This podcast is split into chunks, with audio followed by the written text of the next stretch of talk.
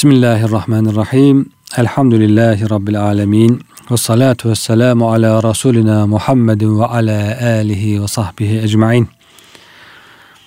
Pek muhterem dinleyenler, Kur'an ışığında hayatımız programında Ahzab suresinden bazı ahkam ayetleriyle ilgili bir değerlendirmede bulunacağız. Onlar üzerinde bir incelemeye bakacağız inşallah. Ahzab suresinin baş tarafındaki ayet-i kerimeler, birinci ayet-i kerimeler. Cenab-ı Hak şöyle buyuruyor. Ey peygamber ya eyyühen nebi Allah'tan kork.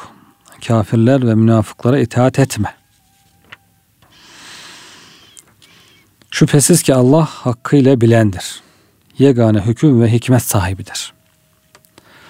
Sana Rabbinden ne vahiy olunursa ona uy. Muhakkak ki Allah ne yaparsanız hakkıyla haberdardır. Yani Peygamber Efendimizin kafirlere, münafıklara itaat edecek durumu yok zaten ama böyle zaman zaman ayet-i kerimelerde ikazlar geliyor. Durumun ciddiyetini gösteren, ifade eden belki onların teklifleri oluyor. Ee, onların hidayet bulabileceği ümidiyle acaba onların bir kısım tekliflerine belki Peygamber Efendimiz olabilir mi acaba diye düşünüyor ama maksadı yine onların hidayeti için böyle bir şeye e, meyletmek. Ama Cenab-ı Hak onlara sakın meyletme, itaat etme diye zaman zaman ikazlarda, uyarılarda bulunuyor. Sana Rabbinden ne vahiy olursa ona uy. Peygamberimizin vazifesi vahye uymak. Kendiliğinden bir şey yapmak değil. Muhakkak ki Allah ne yapsanız hakkıyla haberdardır. Allah'a güvenip dayan. Tevekkül et. Koruyucu olarak Allah yeter. Allah'a güvenmek, Allah'a e, sarılmak, onun devamlı gördüğünü, her şeyden haberdar olduğunu düşünmek ve ona itaat etmek. Allah bir adamın içinde iki kalp yaratmadı. Hükümle ilgili kısma geliyoruz. E, bir insanda iki kalp yok. Kendilerinden zihar yaptığınız hanımlarınızı o sizin analarınız yerinde tutmadı. Cahile dönemde zihar diye bir şey var. Kız diyor hanımına senin sırtın bana anamın sırtı gibi olsun diyor. Zahar sırt kelimesinden bu uygulamaya zihar deniyor. Yani kendi hanımını kendine haram etmiş oluyor. Böyle bir e, yemin türü vardı eskiden. E, şimdi pek kalmadı. Bazen cahil insanlar bazı sözler söylüyorlar ama e, bilmeden e, mesela bizde yaygın bir söz var. Çok e, affedersiniz anam avradım olsun gibi böyle böyle sözler var. E, bu tür şeylere buna benzer bir şey işte hanımım anam gibi olsun gibi tersinden kendisine haram ediyor hanımını. Bu tür e, yanlış, e, çirkin, iğrendirici şeylerden uzak durmak gerekiyor. Bunun da bir cezası konulmuş, kefareti konulmuş. Allah Teala diyor ki sizin hanımınız anam gibi olsun demekle ananız olmaz. Ama bu söz böyle bir çirkin söz söylediğinizde size bir ceza gerekir. Onun kefareti var. Anneleriniz olmaz diyor. Evlatlıklarınız da öz oğullarınız gibi tanımadı. Bir de evlatlık meselesi var. Meselesi insanlar bugün de bu olabiliyor zaman zaman. Bir çocuğu evlat ediniyor. O benim evladım demekle o sizin gerçekten evladınız olmaz. Öz oğlunuz, öz yavrunuz olmaz. Peki ne olur? Yardım ettiğiniz bir insan olur. Büyüdüğünde, bülü çağına erdiğinde yine mahremiyet kuralları geçerlidir. O çocuk erkekse sizin hanımınıza namahremdir. O sizin hanımınız onun annesi değildir. Bunlara dikkat etmek gerekiyor. Bu sizin ağızlarınızdaki lafınızdır. Bu sizin iddianız. Bu benim oğlum diye sizin iddianız ama gerçekten sizin oğlunuz değil. Sizin yardım ettiğiniz, iyilik ettiğiniz bir insan. Allah hakkı söyler. Hak gerçek neyse Allah Teala onu söyler ve o doğru yolu gösterir. Hidayet yolunu gösterir. Onları babalarına nispetle çağırın. Böyle evlatlıkları babalarına nispet ederek çağırın. Babaları kimse onlara nispet edin. Bu Allah indinde, Allah katında daha doğrudur. Herkesin babası. Nesebe çok önem verir İslam. İslam'da nesebin korunması zaruratı hamse, zaruratı diniye denilen beş temel esastan birisidir. Aklın korunması, dinin korunması, neslin korunması, canın korunması, malın korunması. Bu beşten birisi de neslin korunması, nesebin korunması. Kim kimin oğludur, kim kimin babasıdır, kim kime aittir, bağlıdır. Bunlar çok önem arz ediyor. Dolayısıyla onları babalarının ismiyle çağırmanız daha doğrudur. Zeyd bin Harise küçük yavru esir alınmış. Savaşçılar, zalimler kaçırmışlar ailesinden getirip Mekke'de satmışlar. Hazreti Hatice validemize hediye etmiş akrabası Hakim bin Hizam. Peygamber Efendimiz onu görünce bu benim olsaydı azat ederdim buyuruyor. Hazreti Hatice validemiz de senin olsun ya Resulallah diyor. Efendimiz azat ediyor. Efendimizin yanında duruyor Zeyd. 8 yaşına gelmiş. Küçük daha çocuk yaşlarda. Anne babası onun izini buluyor. Geliyor Mekke'ye amcasıyla babası. Onu götürmek istiyor. Efendimiz buyurun istersen size gitsin diyor. Zeyd gitmek istemiyor. Ben diyor bu zatı çok sevdim. Ayrılmak istemem diyor. Onlar korkuyorlar, kızıyorlar, tereddüt ediyorlar, şaşırıyorlar acaba neden diye işlerinde bir huzursuzluk var. Onların huzursuzluğunu gidermek için Efendimiz diyor ki merak etme bu benim oğlum yerindedir. Kabe'nin yanına gidip bu diyor Zeyd benim oğlumdur. Bundan sonra Zeyd bin Muhammed deniyor. Peygamberimize nispet ediliyor. Muhammed'in oğlu Zeyd. Bir müddet böyle devam ediyor bu ayet kerimeler. Gelinceye kadar o zaman babası amcası da rahatlıyorlar. Diyor tamam bizim evladımız artık rahat bir yerde, güvende, emniyette diye gidiyorlar. Bu ayet kerimelere gelince onları diyor babalarının ismine izafe edin. Bu daha iyidir deyince tekrar Zeyd bin Muhammed Zeyd bin Harise'ye dönüyor. Babasının ismi Harise olduğu için babasına nispet ediliyor. Bu ayet-i kerime bunları açıklıyor, izah ediyor, net sınırları çiziyor. Allah indinde bu daha doğrudur. Eğer babalarının kim olduğunu bilmiyorsanız o halde esasen dinde kardeşleriniz olmakla beraber dostlarınızdır onlar. Babası kim olduğunu bilmiyorsanız işte Selman bin İslam deniyor. Selman'ı Farisi'nin babasının ismi kullanılmıyor. İslamoğlu Selman diyor mesela. Bizde diyor babası bilinmiyorsa din kardeşinizdir. Hata ettiklerinizde ise üstünüze bir vebal yoktur. Daha önceki ya bilmeden yaptıklarınızda bir vebal yok. Allah affediyor. Affı geniş. Fakat kalplerinizin kast ve taammüt ettiğinde vebal vardır. Kasten bilerek yaptığınız düşünceler, e, günahlar, hatalar, yanlışlar ona da e, onlara bir vebal vardır ama bilmeden daha önce e, hüküm bil, hükmü bilinmezken yapılan hatalarda bir vebal yok. Kalp, kalbin ameli, kalp kastederek, isteyerek, bilerek bir karar verir, bir niyette bulunursa onun sorumluluğu var. Allah çok e, yarlıgayıcı, çok esirgeyicidir. Şimdi bu Ahzab suresinin ilk ayetlerinde Cenab-ı Hak ne buyuruyor? Umumi bir mana olarak, icmali bir mana olarak Allah Teala Kerim peygamberine takvayı ve haramlardan kaçınmayı emrederek kafirlere ve münafıklara itaat etmeyi yasaklıyor. Allah'tan kork, takva sahibi ol, kafirlere, münafıklara itaat etme. Çünkü onlar Allah'ın Resulullah sallallahu aleyhi ve sellem Efendimizin ve müminlerin düşmanlarıdır. Münafıklar, kafirler.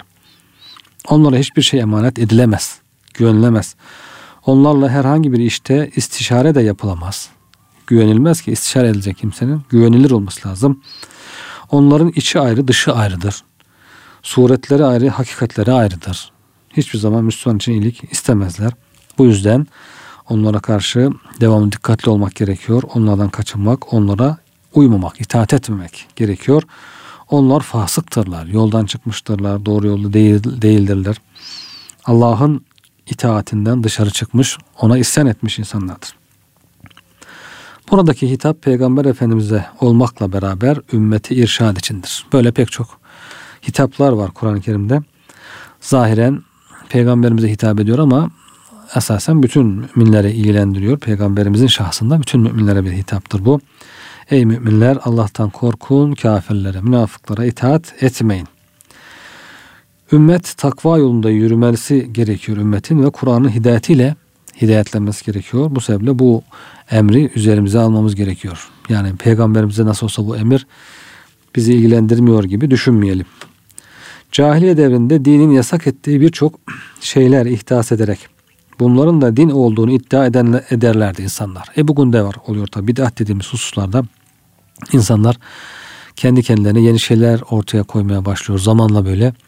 Bir kısmı iyi niyetle daha iyi olur herhalde daha çok sevap olur gibi bid'atler ortaya koyuyor. Bir kısmı e, kötü niyetle İslam'ı bozmak için Müslümanları aldatmak için onlarla alay etmek için yanlış şeyler ortaya koyuyor.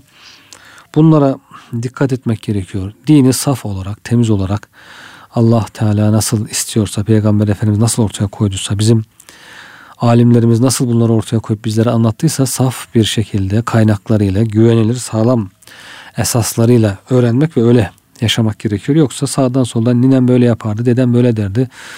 Falancalar da böyle yapıyormuş, biz de böyle yapsak gibi kulaktan dolma şeylerle hele bugünlerde piyasa kitapları var, dualar kitapları böyle.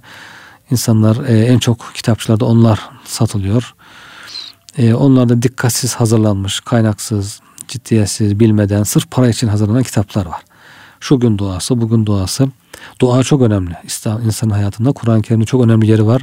Hadislerde çok önemli bir yeri var. Hayatımızda çok önemli bir yeri var. Ancak bu önemli yeri, duanın bu önemli yerini istismar etmek isteyen pek çok insan var piyasada. Apartman kapılarında geziyorlar. işte dua kitabı satıyoruz diye.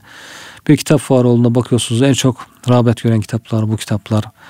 Düzensiz bir şekilde hazırlanmış e, kitaplar insanları aldatmak için işte rızkınızı artırır, malınızı çoğaltır, hastalıklarınızı giderir gibi. Tabii ki bunlar hepsi duanın, bunlar hepsinin tesiri var ama ihlasla yapıldığında devamlı yapılması gereken bir şey dua.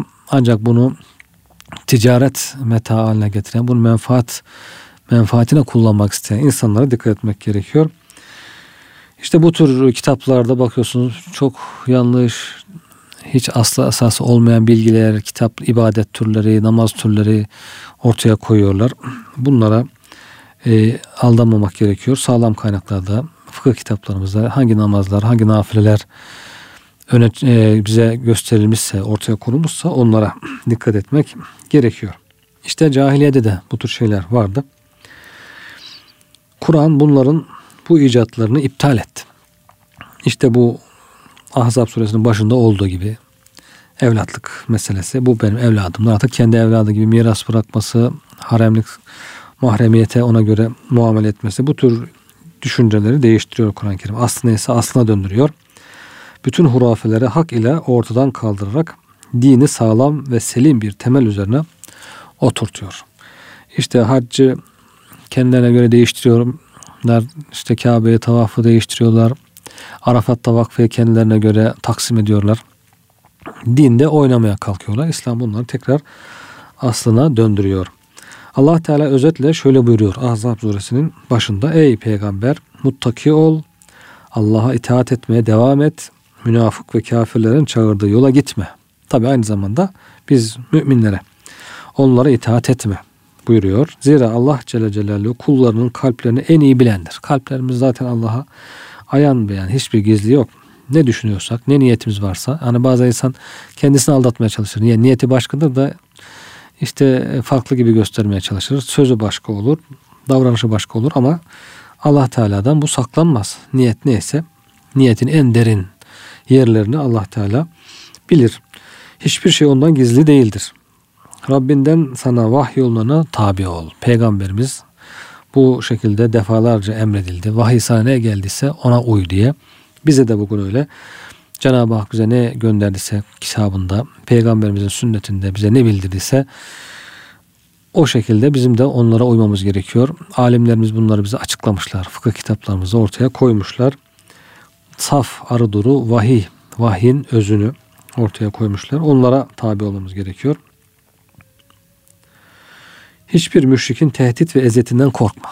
Müşrikler, kafirler tehdit eder, eziyet eder. Bundan korkma. Çünkü Allah Celle Celaluhu seninledir. Bütün işlerinde ona sığın. Yegane koruyucu ve yardımcı odur. Allah Teala cahiliye devrinin sapıklık ve ilhatlarını reddetmiştir. Demek ki hayatta Allah'a tevekkül ederek, Allah'a güvenerek, ona sığınarak sağlam adımlarla yürümek gerekiyor. Doğru yolda, sağlam adımlarla doğru yolda yürümek gerekiyor. Allah Teala cahiliye devrinin sapıklık ve ilhatlarını reddetmiştir. Bu önceki dönemde olduğu gibi sonra da ortaya çıkarsa onlar da reddedilir tabii ki. Bir şahsın içinde iki kalp nasıl olmazsa insanın zihar yaptığı hanımı da annesi olmaz. İki kalp yok. Bir tarafta anne, bir tarafta hanım. İşte bir tarafta başka insan, bir tarafta bir evlat. Böyle olmadığı gibi bu tür cahili yeminleri, cahili adetlerini İslam düzeltiyor. Sizin diyor de, söylemenizle bir insanın vasfı değişmez. Evlatlığı da onun öz oğlu olamaz. Evlatlıksa evlatlıkta başkasına olur. Benim oğlum demekle o senin oğlun olmaz. Çünkü anne insanı doğurandır. Nitekim Allah Teala içinizden zihar yapa gelenlerin karıları onların anaları değildir. Anaları kendilerini doğuranlardan başkası değildir buyuruyor. Mücadele suresinin ikinci ayetinde. İnsanın hakiki oğlu da onun sulbünden gelendir. Bir insanın iki babası olması mümkün değildir. Bir insanın bir babası olur. Onlar zahar yaptıkları hanımlarını nasıl annelerine koyar, başkalarının çocuklarını nasıl kendi oğulları kabul ederler? Böyle bir şey olabilir mi? Bunun hakikati neyse onu ortaya koyuyor. Cahiliye dönemine ait bu iddialar yalnızca yalan ve Allah'a bir iftiradır. Allah Celle Celaluhu çünkü o yaratan odur, takdir eden odur. İnsanlar bu yaratılışın, bu takdirin aksine bir şey söylerse Allah'a iftira etmiş olur. Allah Celle Celaluhu hakkı söyler ve insanları en sağlam yola iletir. Hakkı söylemekten haya etmez. E, hak e, söylenmesi gerekir, gizlenmemesi gerekir. Ama usulünce yerinde söylenmesi gerekir. Allah Teala evlat edinilmiş kimselerin öz babalarına nispet edilmesini emrediyor burada. Evlatlık babasına aittir. Sen ona iyilik yapıyorsun, büyütüyorsun. Çok güzel bir iş. Yani bir yetime bakmak, bir e, bakıma ihtiyacı olan bir ihtiyaç sahibine yardımcı olmak, büyütmek en büyük sadakalardan, en büyük işlerden birisi ancak neyin ne olduğunu kesin ortaya koymak gerekiyor. Bu senin oğlun değil başkasının oğlu ama sen ona iyilik ediyorsun. En doğru olan da budur. Eğer evlat edindiklerinizin babalarını bilmiyorsanız onlar sizin din kardeşleriniz ve dostlarınızdır. Din kardeşidir, dosttur. Onlarla konuştuğunuzda din kardeşliğini ve dostluğu kastederek kardeşim diye hitap ediniz. Din kardeşi. Yoksa nesep kan kardeştir değil. Şimdiye kadar yaptığınız hatalardan dolayı size bir günah yoktur. Çünkü bilmiyordunuz. Ama hüküm geldi, öğrendiniz. Ondan sonra artık bilerek yaptığınız, kalbinizin bilerek, bile bile, niyetle, kastederek yaptığı hatalarda günah vardır. Allah Celle Celaluhu buna rağmen gafurdur, rahimdir. Yaptığınız hatadan dönebilir, tövbe edebilirsiniz ve bu vebalden kurtulabilirsiniz. Şimdi bu Ahzab suresinin ilk ayetlerinin sebebi nüzulüyle ilgili bazı rivayetler var. Bunlardan birkaçından bahsedelim. Ebu Sufyan, İkrime, Ebu Cehil'in oğlu daha sonra Müslüman oluyor. Bu ikisi. Ebu e, ve El Aver Es Selemi Hudeybiye anlaşmasından sonra Medine'ye gelerek Abdullah bin Übey bin Selul münafık başı bu. Muatteb bin Kuşeyr, Ced bin Kays ile görüştüler. Bunlar da böyle sıkıntılı insanlar. Sonra hep birlikte Resulullah'a gelerek bir takım tekliflerde bulundular.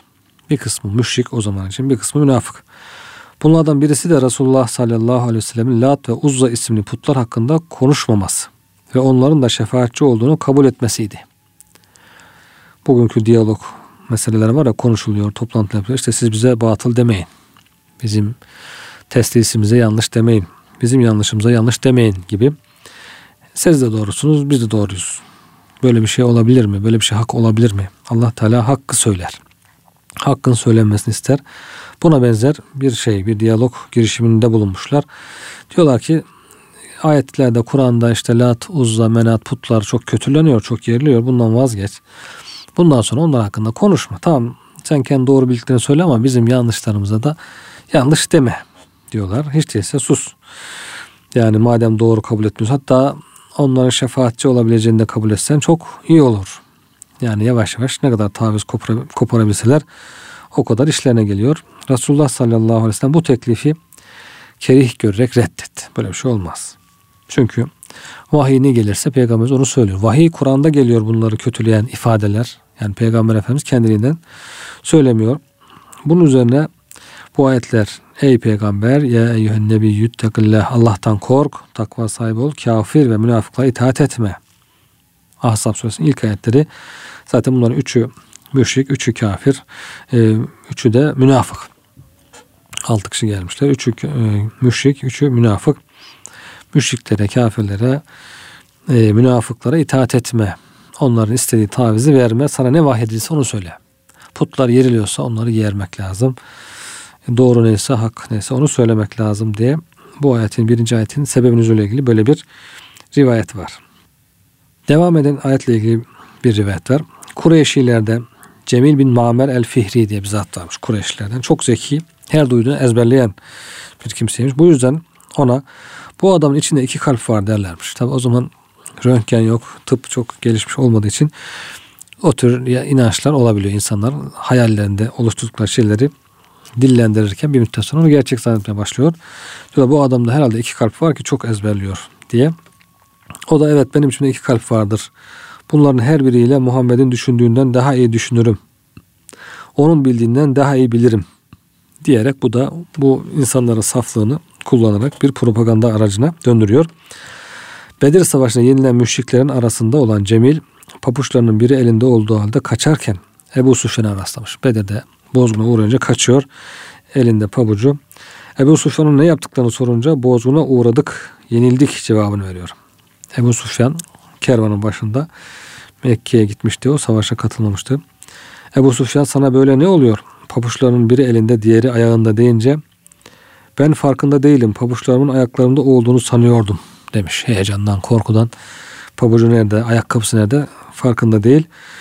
Bugünden sonra Kureyşliler onun iki kalbi olsaydı böyle ahmakça bir e, yap, yapmayacağını anladılar. Ahmakça bir iş yapamazdı, yapmazdı dediğini anladılar. Baktılar ki biz bu adama iki kalp var diyorduk. İki kalbi olsa böyle ahmakça bir iş yapmaz. Ne yaptığından haberi yok dediler. Bu hadiseden hemen sonra da Allah bir adamın içinde iki kalp yaratmadı ayeti nazil oldu e, diyerek e, bir e, rivayette söz konusu. Ancak burada herhalde bu rivayet biraz zayıf görülüyor. Daha çok burada manevi duygular açısından bir ifade söz konusu olmalı. Maddi kalpten ziyade ama böyle bir rivayette mevcut. Diğer bir rivayet Resulullah Efendimiz sallallahu aleyhi ve sellem Zeyd bin Haris'e evlatlık edinmişti. Vahiy gelmeden önce de onu azat etmişti.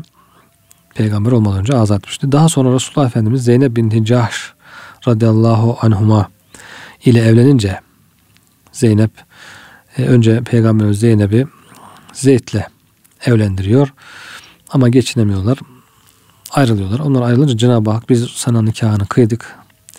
Zeynep'le evlen diyor. Allah Teala nikahlarını kıyıyor. Kur'an'da geçiyor zaten. Enkahnâkeha diyor. Biz onun nikahını sana kıydık diye. Cenab-ı Hak evlendiriyor ki bir e, yanlış anlayışı yıkmak için, bir tabu yıkmak için. Bunu ancak böyle bir güçlü bir peygamber yıkabilir. Normal bir insanın böyle bir tabuyu toplumda yıkması mümkün değil. Ondan sonra Efendimiz evlenince Zeynep validemizle Yahudiler ve münafıklar diyorlar ki Muhammed'i görüyor musunuz? Oğlunun karısıyla evlenmeyi yasakladığı halde kendisi bunu yapıyor. Normalde ayet-i kerime gelmiş. İşte oğlunun evlendiği birisiyle hükümler belli, İslam hükümler evlenilmez. Kendisi başkasına yasaklıyor ama kendisi evleniyor. Bak işte Zeyd'in han, boşadığı hanımla evlendi. Diye dedikoduya başlıyor. Zaten aradıkları fırsat. Bunun üzerine bu Ahzab suresinin başındaki evlatlıklarınızı sizin öz oğullarınız yapmadı Allah Teala. Evlatlığınız öz oğlunuz değildir. O sizin iyilik ettiğiniz bir yabancı insandır. Evlatlığınız bir hanımdan ayrıldıysa onun iddet müddeti bittikten sonra siz evlenebilirsiniz. Bunda bir, çünkü yabancı bir insan. Sadece iyilik yaptığınız bir insan. Her iyilik yaptığınız bir insan akrabanız olmuyor. Bunu ortaya koydu. Bu tabu yıkıldı ama tabii ki Peygamber Efendimiz çilesini çekti. Yahudilerin, münafıkların bu e, sözleri, iftiraları, karalamalar, rencide edici tavırları tabii bir toplum içerisinde bunlar çok zor şeyler. Bir insanın bunlara tahammül etmesi zor. Peygamberimiz bu zorluğu yaşayarak bu tabi yıktı bize böyle rahat bir ortam hazırladı, bıraktı. Yoksa biz hala o sıkıntıyı sırtımızda taşıyor olacaktık. Böyle o tabu yıkılmasaydı e, o zaman e, evlatlığını mirasta bırakacak insan. Hanımı mahrem gibi, anne gibi görecek. Elini öpecek, yanına girip çıkacak rahat bir şekilde.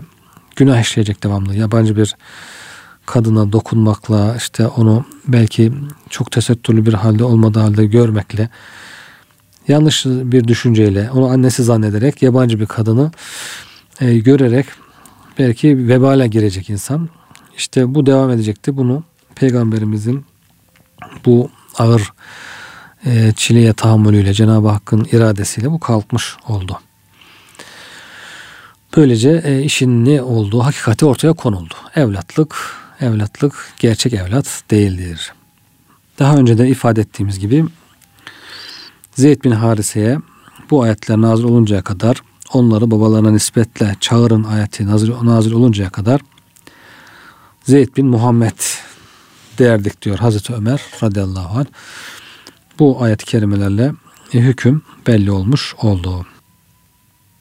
Pek kıymetli dinleyenler Ahzab suresinin başındaki ayetlerde bazı inceliklerden bahsediliyor tefsirlerimizde. Bunlardan birisi şöyle.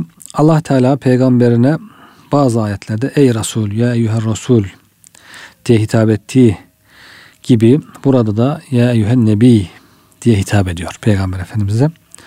Allah Teala'nın peygamberlerini nebi ve Resul peygamber efendimizi nebi ve Resul sıfatlarıyla çağırması Resulullah'ın makamının yüceliğine ve diğer peygamberlerden üstünlüğüne işaret etmektedir. Yani onun vazifesini ifade ediyor, bir makamını bildiriyor, ona bir teşrif oluyor. Bu hitap ayrıca bize Resulullah sallallahu aleyhi ve sellemle nasıl konuşmamız gerektiğini de öğretiyor. Peygamberimizden bahsederken işte Hz. Muhammed'in hayatı bugün öyle bir şey var akademik çevrelerde olsun, işte Milli Eğitim ders kitaplarında olsun mesela Hz. Muhammed'in hayatı falan sanki yabancı birisi de bahsedermiş gibi bir tavır oluyor. Halbuki bu ayet-i kerimelerdeki bize öğretilen inceliğe bakılırsa Peygamber Efendimizin hayatı, Resulullah Efendimizin hayatı, Nebi Ekrem Efendimizin hayatı gibi böyle tekrim cümleleriyle, böyle iltifat cümleleriyle, hürmet cümleleriyle, hürmet ifadeleriyle peygamberimizden bahsetmemiz gerekiyor. Ama işte hatta bazen Hazreti kalıyor Muhammed'in hayatı, Muhammed'in savaşları, Muhammed'in sözleri gibi Peygamber Efendimiz'den böyle ismiyle bahsetmek bir edep eksikliği olarak görülüyor. Edep dışı görülüyor bu ayet-i kerimelerden işaretle. Biz onun ismini andığımız zaman son derece hürmetli olmamız icap ediyor. Nitekim Allah Teala peygamberi kendi aranızda birbirinizi çağırdığınız gibi çağırmayın buyuruyor. Bir kendi aramızda Ahmet, Mehmet çağırıyoruz. Ali, Hasan, Veli diye. Hatta bu bile saygısızlık sayıyoruz da ne diyoruz? Ahmet Bey, Mehmet Efendi gibi e, Sayın Ahmet, Sayın Mehmet gibi bir saygı ifadesi koyuyoruz. İnsanların önüne böyle bir saygı ifadesi koyuyoruz da ama Peygamber Efendimiz'e gelince bazı insanlar bakıyorsunuz ondan çekiniyor. Onu koymak istemiyor. Halbuki ayet-i kerime Nur suresi 63. ayet-i kerimede peygamber diyor birbirinizi çağırır gibi çağırmayın diyor Cenab-ı Hak. E birbirimize çağırırken sayın, muhterem, e, bey gibi ifadeler kullanıyorsak ki kullanalım çok güzel. O zaman peygamberimize bunun bir adım daha ötesini kullanmamız lazım. Peygamberimize bir de salavat getirmemiz lazım. Resulullah sallallahu aleyhi ve sellem Efendimiz gibi e, insanlara gösterdiğimiz hürmetin bir adım ötesini yani gösterebilirsek daha fazlasını gösterelim ama daha hürmetli olmamız gerektiği ayetin emri. Cenab-ı Hakk'ın emri bu. Nur suresi 63. ayet-i kerime. Ve diğer e, işaretler Ebu Hayyan müfessirlerden şöyle diyor. Allah Teala'nın Kur'an'daki ey Nebi, ey Resul hitapları onun faziletini ve büyüklüğünü bildirmektedir. Onun dışındaki peygamberlerin ey Adem, ey Nuh, ey İbrahim gibi sadece isimleri geçerken diğer peygamberlere isimlerle hitap etmiş Cenab-ı Hak. Ama bizim peygamberimize ismiyle ya Muhammed diye hitap yok Kur'an-ı Kerim'de. Muhammed diye isim geçiyor. Muhammedun Resulullah. Dört defa geçiyor Kur'an-ı Kerim'de. Bir defa da Ahmet geçiyor. Ama bu şekilde Muhammed Allah'ın Resulüdür diye geçiyor. Bu şekilde bir e, e, ismi geçiyor ama hitap olarak ya Muhammed geçmiyor. Onun için biz de ya Resulullah ya Nebiyallah diye hitap etmemiz gerekiyor. Bununla ilgili rivayetler de var. İbn Abbas Hazretleri bu ayet-i kerime Nur suresindeki ayet-i kerime gelince peygamberi birbirinizi çağırır gibi çağırmayın ayeti emri gelince diyor o zamana kadar ya Muhammed derdik diyor ama ondan sonra artık ya Resulallah ya Nebiyallah demeye başladık. Ve diyor bu peygamberimizin derecesini gösterdi bize. Hiçbir peygambere bu şekilde bir hitap emredilmemişti diye İbn Abbas'ın e, ifadeleri var. Resulullah Efendimizin ismi sarahaten verilse bile hemen peşine Resul vasfı da zikredilmiştir. Kur'an-ı Kerim'de dört defa geçiyor. İşte bu gösteriyor ki o şüphesiz Allah'ın Resulüdür. Kur'an'ın bu üslubu bize de onu konuşurken Resul vasfıyla anmamızı telkin ediyor. Resul. Kur'an'da nerede onun ismi kastedilmişse onun nübüvvet ve risalet vasıfları geçer. Peygamberimizin nebi olduğu, Resul olduğu bu önemli, şerefli bir makam. Allah'ın Resulü, Allah'ın elçisi, Allah'ın habercisi bize. Onun bir makamı var. Mesela ayet-i kerime Furkan suresi 30 andolsun size kendinizden öyle bir Resul gelmiştir ki Tevbe 128 sizin sıkıntıya uğramanız ona çok ağır ve güç gelir. Resul Resul dedi ki ey Rabbim kavmim hakikat şu Kur'an'ı metruk bir şey edindiler. Peygamberimizin ahiretteki şikayeti ümmetim Kur'an'a sahip çıkmadılar, Kur'an terk ettiler diye. Furkan 30. ayet. O nebi müminlerin öz nefislerinden evladır. İnsana kendisinden, insanlara kendilerinden daha yakındır. Nebi. Onun hanımları, zevceleri de müminlerin anneleridir. Ahzab suresi 6. ayet-i kerime. İşte bu ayetlerde görüldüğü gibi Resulullah sallallahu aleyhi ve sellem Efendimiz Kur'an'da ismiyle değil nübüvvet veya risalet vasfıyla zikrediliyor. Bu da onun diğer nebilerden üstünlüğüne delalet ediyor. Bunu Ebu Hayyan söylüyor müfessir. Yine tefsirlerimizde diğer bir incelikten bahsediliyor muhterem dinleyenler. Resulullah sallallahu aleyhi ve sellemin her hali takva üzere olduğu halde takva ne demek? Allah'ın emirlerine titizlikle uymak demek.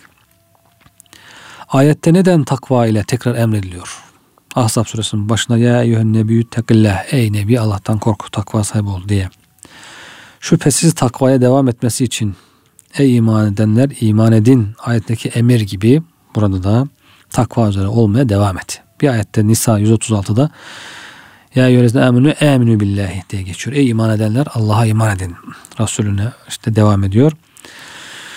İman edenler iman edin. Yani imanda sebatkar olun, devam edin manasında olduğu gibi burada da ey Nebi takva üzere devam et manasında. Bu ayetteki emir de imanınızı devam ettirin şeklinde anlaşılmalı. Nisa suresindeki ayet e, Ahzab'daki ayette takvayı devam ettirin. Bazı alimlere göre ayetin başındaki hitap her ne kadar Resulullah sallallahu aleyhi ve selleme ise de aslında muhatap Resulullah'ın ümmetidir. Ey ümmet takvalı bile olsanız takvaya devam edin. Takvalı olmayanlar da takva sahibi olsun. Allah'ın emirlerini yapsın, yasaklarından kaçsın. Çünkü ikinci ayetin sonundaki Allah ne yaparsanız hakkıyla haberdardır ifadesi çoğul olarak geliyor. Başta ey Nebi diyor, ne yaparsanız diyor sonunda. Demek ki peygamber ve ümmeti hepsi beraber bu emre muhatap sonu çoğul geliyor. Ne yaparsanız Allah görüyor diyor. Fahrettin Errazi büyük müfessirlerimizden diyor ki ancak yapılmayan bir şeyin yapılması emredilebilir. Halbuki Resulullah'ın her hali takvaydı. Öyleyse neden takva ile emrolundu? Bu soruya iki şekilde cevap verilir. Diyor, bir takva ol, Allah'tan kork emrinden maksat yeniden takva ol demek değil, takvanı devam et demektir. Yukarıda söylendiğimiz gibi. iki Resulullah'ın ilim ve mertebesi her an yükselmektedir. Bu da Resulullah'ın her an yeni bir takva derecesine ulaşmasını gerektirir devamlı yükseliş halinde o zaman her kademede yeni bir takva boyutu değişiyor. Ayetteki ey peygamber Allah'tan kork emrinden maksat daima terakki et demektir. Terakki et devamlı takvanı artır.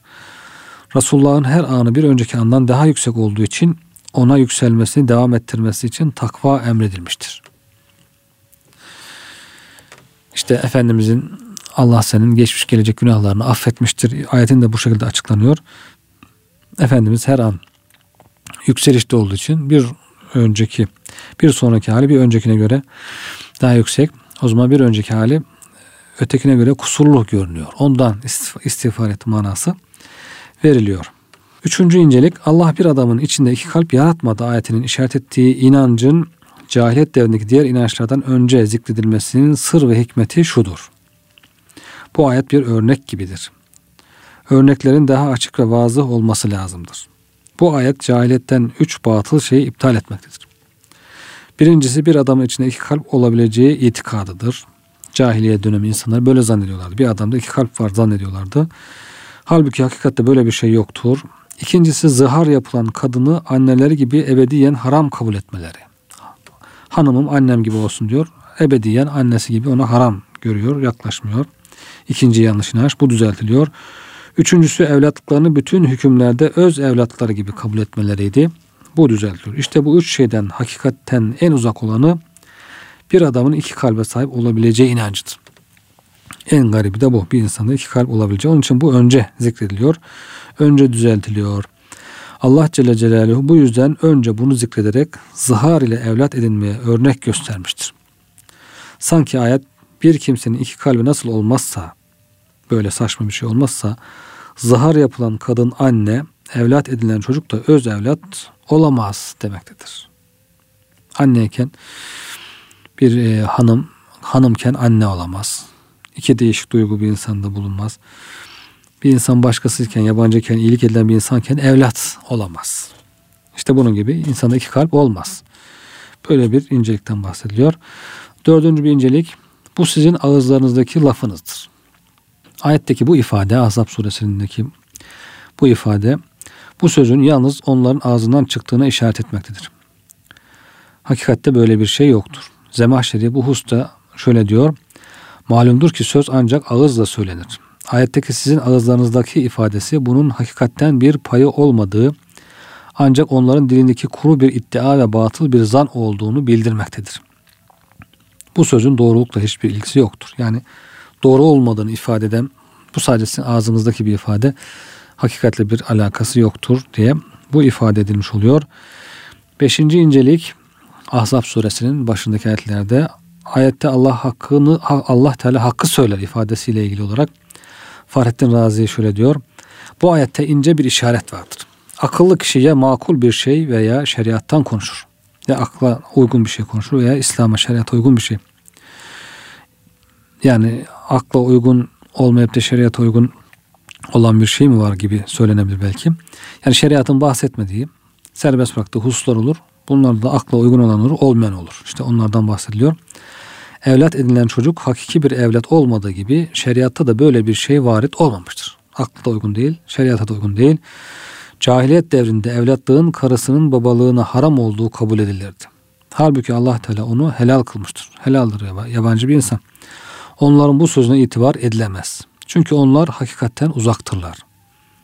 Bu söz de hayvanların ağzından çıkan bir ses gibi onların ağzından çıkan anlamsız bir sestir. Ağzımızdaki bir sestir, bir manası yoktur, bir hakikate uygunluğu yoktur. Allah Teala'nın sözü ise hak ve uyulması farz olan sözdür. Hakka uygun, hak olan bir söz ve uyulması gereken bir söz. Onların kalbinden geçen sözlerden daha hayırlıdır. Onların kalplerinden geçenden daha hayırlı olunca ancak ağızlarından çıkan sözden haydi haydi üstün ve daha hayırlıdır. Onların kalbinden de, dilinden de geçen sözden daha hayırlıdır Cenab-ı Hakk'ın ayeti hükmü. Altıncı incelikten de bahsedelim ve son verelim inşallah. Araplar zeki ve akıllı kimselerin iki kalbi olduğunu inanırlardı. Mekkeliler arasında Cemil bin Mamer zekası, aklı ve kuvvetli hafızasıyla meşhurdu. Bu itibarla ona iki kalpli adam derlerdi. Hatta şairler onu metheden şiirler söylerlerdi. İki kalpli diye. İşte bu cahil kişi ben peygamberden daha zeki ve daha anlayışlıyım derdi. Bir fırsat buluyor artık. İnsanlar kendisini yanlış bir zanla, iki kalpli zannedince Bedir Savaşı'ndaki yenilgilerinden sonra kendini kaybederek papuçlarının bir elinde diğer ayağında kaçarken Ebu Sufyan'la karşılaşıyor. Biraz önce bahsetmiştik. Ebu Sufyan soruyor nedir bu halin diye. Bakıyor ya farkında değilim diyor. Yani birisi ben ikisi ayağımda zannetmiştim diyor. Can havliyle kaçmış tabi. Onun bu durumu insanlara onun bir yalancı olduğunu ve iki kalbi bulunmadığını gösteriyor. Halk içinde rezil ve rüsvay oluyor. Sonu bu zaten. Yalancının mumu yatsıya kadar yanar demişler. Bundan dolayı Allah Teala Allah bir adamın içinde iki kalp yaratmadığı ayetiyle bu iddia ve inanışı tamamen iptal ediyor. Demek ki Ahzab suresi bu şekilde başlıyor. Yanlış itikatları düzeltmekle başlıyor. Daha çok peygamberimizin aile hayatından bahsediliyor. Savaşlarından bahsediliyor. Efendimizin hayatıyla ilgili çok bilgiler var. Ahzab suresinde zengin bilgiler var. Çok incelikler var. Onun için e, onun da dikkatli her sure gibi dikkatli okunması, tefsirlerin okunması, incelenmesi gerekiyor. Kıymetli dinleyenler. Bugünkü programımızda bu kadardı. İnşallah yeni bir programda görüşmek, buluşmak üzere. Allah'a emanet olun efendim.